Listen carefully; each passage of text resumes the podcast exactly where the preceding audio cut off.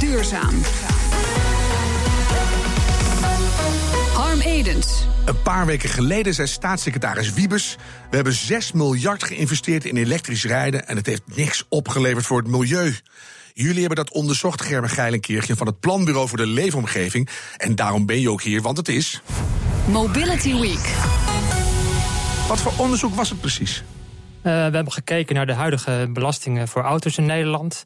Hoe die zijn vormgegeven en met name ook hoe die doorwerken in de samenstelling van het autopark. En als gevolg daarop ook de milieubelasting van het wagenpark. Mm -hmm. En hoe doe je dat dan precies? Want het is al een tijdje gaande, die uh, maatregelen. Hoe lang hebben jullie het gevolgd? Uh, eigenlijk volgen we het al sinds de afgelopen 15 jaar. Dus nog ver voordat we begonnen met het vergroenen van de autobelastingen. Mm -hmm. en, en wat waren de eerste conclusies? Op zich lijken de belastingen, een aantal van die vergoedingen lijken heel goed gewerkt te hebben. We zien in de particuliere markt dat er heel veel zuinige auto's zijn verkocht door de korting op de, op de aanschafbelasting. Uh, korting op de bijtelling lijkt ook heel goed gewerkt te hebben voor de zakelijke markt. Mm -hmm. de, de, auto's met 14% bijtelling die waren niet aan te slepen. Dat, want het komt een heel rijtje uit. Hè? Zullen ja. we die even helemaal stap voor stap bij langs gaan? Want uh, meer vergroening en minder complexiteit wat belastingverschuiving betreft... dat was de meer dan sexy titel van jullie onderzoek. Ja. Uh, ja. Je moet erop komen. Ja, denk je niet af en toe eens van, uh, dit moet je weten of zo? Dat, dat, dat mensen dat dan beter ja, gaan lezen? ik snap wat je bedoelt. Mm -hmm. alleen we blijven een onderzoeksclub. Dus in die zin, de toonzetting zal altijd zakelijk blijven. Ja. Jullie, je begon net al met het telerijtje. Want het gaat om middelen die de overheid heeft om onze rijgedrag te beïnvloeden. Dit, de, de, de motorrijtuigenbelasting, de BPM. Zullen we ze allemaal bij langs? Ja. Wat, wat werkt het beste in jullie onderzoek en wat werkt bijvoorbeeld helemaal nou, niet? We concluderen eigenlijk dat ze allemaal een eigen functie hebben. En dus de aanschafbelasting is vooral een goed uh, instrument om bij aanschaf mensen te prikkelen om een bepaald soort auto te kopen. Dus in dit geval een zuinige auto. Dat die goedkoper uh, is? Hij is goedkoper dan het alternatief. En uh, juist bij aanschaf zijn particulieren heel prijsgevoelig. Dus een, een korting op de aanschafbelasting werkt. de wegenbelasting ja, die heeft vooral invloed op het bestaande wagenpark. Er zit niet een hele duidelijke milieuprikkel in.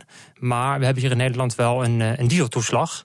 En het gevolg daarvan is dat het dus relatief onaantrekkelijk is om een dieselauto te rijden. Het is relatief duur. Mm -hmm. En daardoor hebben wij relatief weinig uh, dieselauto's in Nederland uh, rondrijden. Veel minder dan in andere landen. We hebben meer fijnstofauto's. We hebben veel meer benzineauto's. Met een hele lage oh, ja, auto van fijnstof. Ja, ja, ja. ja. Mm -hmm. Ja. Dus waar je in andere landen ziet dat meer dan de helft van de auto's inmiddels een dieselauto is. En dieselauto's zijn nog steeds vervuilender dan benzineauto's. In Nederland is dat nog geen 20 procent. En hebben we gewoon het merendeel uh, benzineauto's. Ja. En dan dus, hebben we nog de bijtelling en de accijnzen? Ja, een bijtelling natuurlijk alleen relevant voor de zakelijke markt. Uh, is de afgelopen zes, zeven jaar uh, sterk gedifferentieerd naar hoe zuinig de auto is. Met als gevolg dat er heel veel zuinige auto's verkocht zijn. Mm -hmm. Alleen, uh, ja goed, het probleem daarbij was eigenlijk tweeledig. die auto's blijken in de praktijk een stuk minder zuinig dan het papier. Dus de milieuwinst valt in die zin tegen. En in die zin heeft meneer Wiebes ook, ook gelijk. Ja, er zijn hoge kosten gemaakt voor een relatief beperkte winst. Maar dat, dat, dat Schummel-aspect kon hij natuurlijk niet weten. Uh, nee, maar we weten op zich al wel heel lang dat die auto's in de praktijk een stuk minder schoon en ook een stuk minder zuinig zijn dan het papier. Ja. Dus zolang je je fiscale beleid baseert op die papieren waarden, heb je altijd het risico dat het praktijkeffect tegenvalt. Mm. Dus in die zin is dat geen nieuws. Ja, maar dan, dan vat ik het even samen. Wiebes zei, die 6 miljard voor elektrisch rijden heeft eigenlijk niks opgeleverd. In jouw optiek, of in jullie optiek, had hij een beetje gelijk? Uh, er zit een kern van waarheid in, alleen dat het effect nul is, dat geloof ik niet. Uh, waar Wiebes ook op doelt, is dat er uh, in Europa worden de afspraken gemaakt met de autofabrikanten. En die moeten zuinige auto's verkopen. En daarbij maakt het eigenlijk niet uit of dat nou in Nederland is of in Duitsland of waar dan ook. Betekent dat je in Nederland veel zuinige auto's verkoopt, dat je ergens anders in principe minder zuinige auto's hoeft te verkopen om toch aan je doel te voldoen. Maar dan, dan, ga je het ineens Europees oplossen, terwijl de richtlijnen en de maatregelen niet Europees zijn. Nou, de, het bronbeleid is dus Europees. He, daarmee worden, daar worden afspraken gemaakt met de autofabrikanten. Zo mooi noemen we dat, het bronbeleid. Ja, en wat je dan aan geneuzel in je eigen landje doet, dat is je eigen probleem. Dat helpt daar een beetje bij, maar zo moet je het wel zien. Nou, nou zag je, toen die maatregelen allemaal geïmplementeerd werden, gingen we steeds zuiniger rijden in Nederland. We letten er echt op met z'n allen. Want we waren ongeveer het slechtste jongetje van Europa. Toen waren we best heel goed, geloof ik zelfs op één. Ja, klopt. En toen werd het afgeschaft en nou zakken we weer in. Hoe kan dat? Ja, de, de, de, de, de automobilist in Nederland die kiest toch vooral met zijn portemonnee. Daar komt het eigenlijk op neer. Ja. Die belastingkortingen hebben heel veel effect gehad. Zeker op papier, in de praktijk wat minder. Dus dat blijft een probleem. Daar moet je een oplossing voor verzinnen. Mm -hmm. Maar uh, ja, als je daarmee stopt, dan is het evident dat er ook minder zuinige auto's worden verkocht. Daar moeten we misschien zo wat langer over filosoferen. Als je even kijkt naar de bestaande categorieën, je, je noemde er net al een paar. Bijvoorbeeld die, die prachtige oude grote diesels, die, die oude Volvo's, echt super hip. Oude Mercedes'en, helemaal cool. Wat moeten we daarmee? Uh, nou ja, wat wij in de studie hebben laten zien of voorstellen eigenlijk, en wat het kabinet inmiddels ook al heeft overgenomen, is dat je voor die oude diesel zonder roetfilter uh, zou kunnen overwegen om de wegenbelasting omhoog te gooien. Om uh, toch dat laatste beetje auto's, wat relatief heel veel bijdraagt aan de fijnstofuitstoot in Nederland, wat sneller uit het wagenpark te krijgen. Er trekt nu een siddering van verontwaardiging door het land. Snap ik. Want iedereen denkt, nou, de, de rijken in mijn ubercoole bak en dan mag het niet meer. Is dat, is dat een vergaande betutteling van de overheid of moeten we daar toch naartoe? Laat ik zo zeggen, vanuit milieuoogpunt is daar, zijn er hele goede redenen voor. Het verschil in fijnstofuitstoot is echt enorm. Tussen een moderne auto met roetfilter en een oude dieselauto zonder roetfilter. Dus. Dan ga ik even naar de leuke hybrides. Ik heb er zelf ook een, de Outlanders en de Volvo's, noem ze maar op. Die worden vaak helemaal niet meer opgeladen. En dan krijgen we toch lekker superveel korting. Moet dat nog?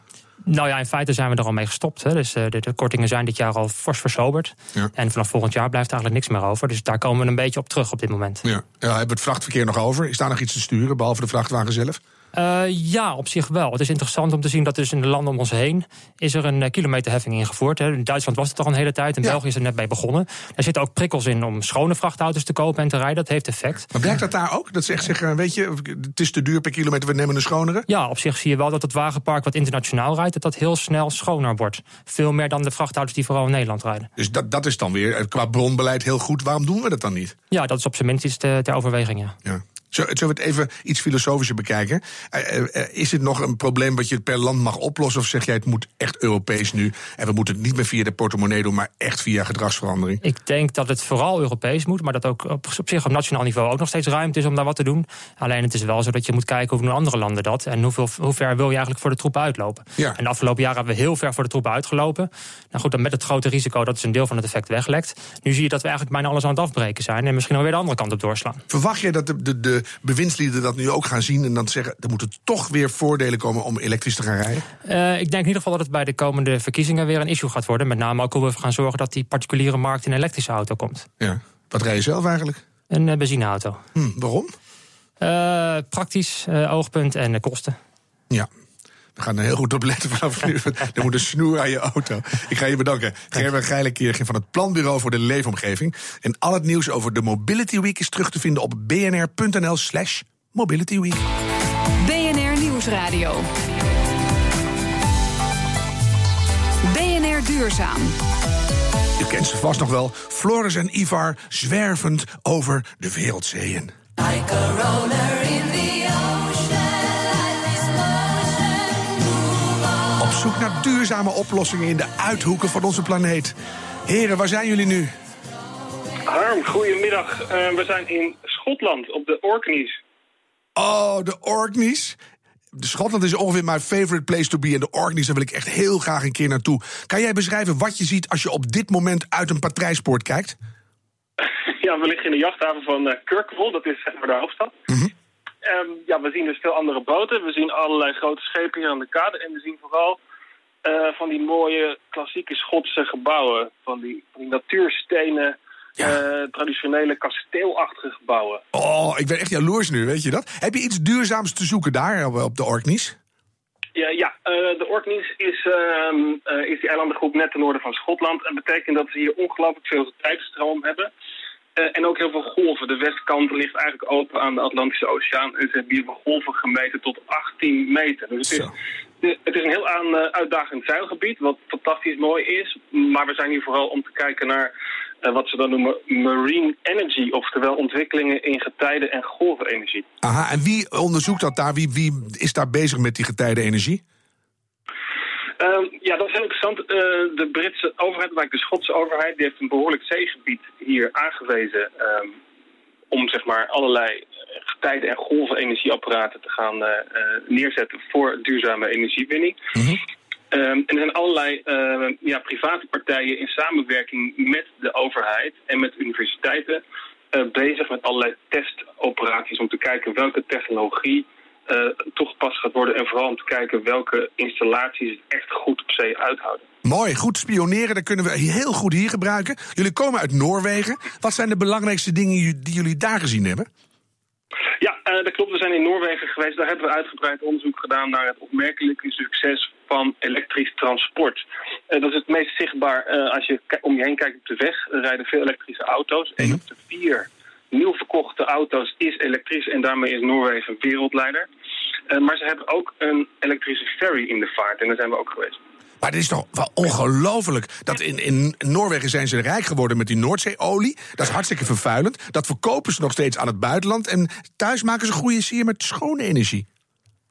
Uh, ja, dat, uh, dat heb ik eerder gehoord. Dat is ook waar. De Noorse economie is nog voor een derde ongeveer afhankelijk van de olie-export. Ja. Maar tegelijkertijd, er zijn meer landen die geld verdienen met fossiele energie. Um, en de Nooren hebben er toch voor gekozen om in te zetten op de toekomst. En ze hebben natuurlijk in een elektriciteitsmix uh, al jarenlang heel veel hydro. 99% hebben we gelezen. Hydropower. Dus zij hebben een hele groene elektriciteitsmix. Ze hebben ook veel energie over. En daarom hebben ze vol ingezet op elektrisch uh, transport. En ja, wij, wij waren uh, gelukkig genoeg om een, um, een Tesla te mogen lenen. We hebben twee dagen vanuit Bergen rondgereden om dat systeem te proberen. En we zijn ook met de Tesla op de Ampère geweest. Volledig elektrische ferry. En als je dat doet, ja, dan realiseer je gewoon de toekomst in elektrisch transport. Die bestaat al, die is gewoon al hier in Noorwegen al gewoon gebouwd. Ja, is mooi. Je ziet dat de dingen veranderen, dat het omklapt. En dat jullie het ook supergoed voor jezelf regelen. Hè? In het kader van de duurzaamheid mogen jullie de mooiste gratis dingen doen. Wat wordt de volgende boothalte? Um, nou ja, goed, we zijn hier nog niet helemaal klaar in Orkneys met het onderzoek. Um, en vanaf hier willen we in Schotland verder uh, op zoek gaan naar duurzame oplossingen. We hebben al een idee hier vlakbij, is een vrij bekend ecodorp in, uh, in een plaatsje dat heet Findhorn. En uh, we zijn heel benieuwd uh, hoe, hoe, dat is en of we daar iets van kunnen leren. Op de Orkneys, want ik ken in, in Schotland ken ik ook Findhorn, maar dat is weer wat anders. Of ja, misschien... nee, sorry, dat, dat is hetzelfde. Ik, ik zeg Findhorn, maar misschien zeg je wel Findhorn. Oh, dan hebben ze twee, twee filialen. Hebben ze. Dat is een hele leuke club. Nee, nee. Ja, dat, dat, dat is op het vasteland. En we willen daar vanaf uh, Inverness naartoe. Oh, daar gaan we de volgende keer uitgebreid over hebben, want daar weet ik ook nog wel wat van. Dankjewel en tot snel. Heel... Ivar en Floris, de Sailors for Sustainability. Straks 32.000 Boeings 747. Hoeveel weegt dat eigenlijk? Nou, zoveel kleding maken we elk jaar wereldwijd te veel. Daar moeten we iets mee. BNR Nieuwsradio. BNR Duurzaam. 30% van alle kleding die we wereldwijd produceren, wordt nooit gedragen. Dat zijn 25 miljard kledingstukken. Broeken, shirts, sokken, petticoats, bustenhouders en geïmpregneerde linnen regenponcho's. Dat staat in kilo's gelijk aan 32.000 Boeings 747. Oh, Jeroen van der Heijden weet een oplossing. Vertel het maar, Jeroen. Ja, de een oplossing, uh, er zijn, zijn, meerdere, maar in ieder geval mijn oplossing waar ik naar kijk is uh, dat ik een uh, online platform heb gemaakt waar ja, van tevoren afstemmen um, om, wat we gaan produceren. Dus eigenlijk de vraag omdraaien. En, dus dat, is, dat is voor mij een oplossing. Zo simpel is het. Dus je zegt, we gaan niet meer kleren in een winkel hangen of in een, in een online shop allemaal al gemaakt te hebben. Maar ik ga eerst kijken wat mensen willen hebben. En, en dan gaan we het pas maken. Zeg ik het goed? Ja, die zegt het goed. En ik denk dat het belangrijk is dat we, in mijn ervaring ook die ik heb in, in vanuit de markt, dat, uh, dat er van tevoren eigenlijk nooit echt gecommuniceerd wordt met de consument, waar de vraag eigenlijk naar is. En dat we eigenlijk gewoon produceren uh, vanuit. Uh, image uh, vanuit een bedrijf. En, um, en wij trekken het toch wel aan, zo? Nou ja, daar, daar doen heel veel bedrijven natuurlijk heel veel marketing... en, en, en gaan jou uh, inderdaad overtuigen dat dat het beste product is voor je. Ja, dat, ja. dat is denk ik hoe het nu gedaan wordt. Jouw platform heet T-shirt. Ja. Ehm, hoe ben je erop gekomen en waarom begin je met T-shirts? Want dat hoor je al een beetje in die naam. Ja, um, hoe ben ik erop gekomen? Ik, nou ja, wat ik al zei, ik heb twintig uh, jaar in de groothandel gezeten van kleding. Voor andere, wat interna ja, een aantal internationale merken gewerkt. En daar zie je gewoon dingen gebeuren. En als je op, op dat moment in de markt zit, dan realiseer je dat niet altijd. Dat heb ik ook al meegedaan. Ik was in de verkoop, dus je gaat. Ja, je, je wil ook steeds meer, meer, meer, meer. Dat Noem eens waar je gewerkt hebt. Ik denk meteen Hennis en Maurits. Elke drie weken een totaal nieuwe collectie in de winkel. Dat soort dingen moet ik aan denken? Nee, ik heb voor uh, Karl Lagerfeld gewerkt. Um, Tommy Hilfiger, DKNY. En uh, de laatste jaren voor, voor Hans Hubbing, de Nederlandse ontwerper. Ja, ja.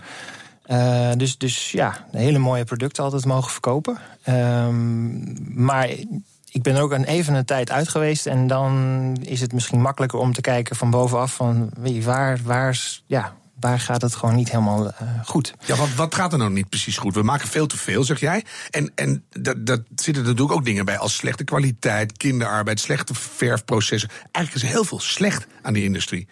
Er is uh, veel te doen. Ja. We hebben nog veel uitdagingen daarin. En, en gelukkig uh, zijn er steeds meer bedrijven in ieder geval mee bezig om het op een verantwoorde manier te doen. Maar nu gaan we even naar jou. Ja. Want jij begint dan T-shirt. Wat is er dan zo goed aan jouw product?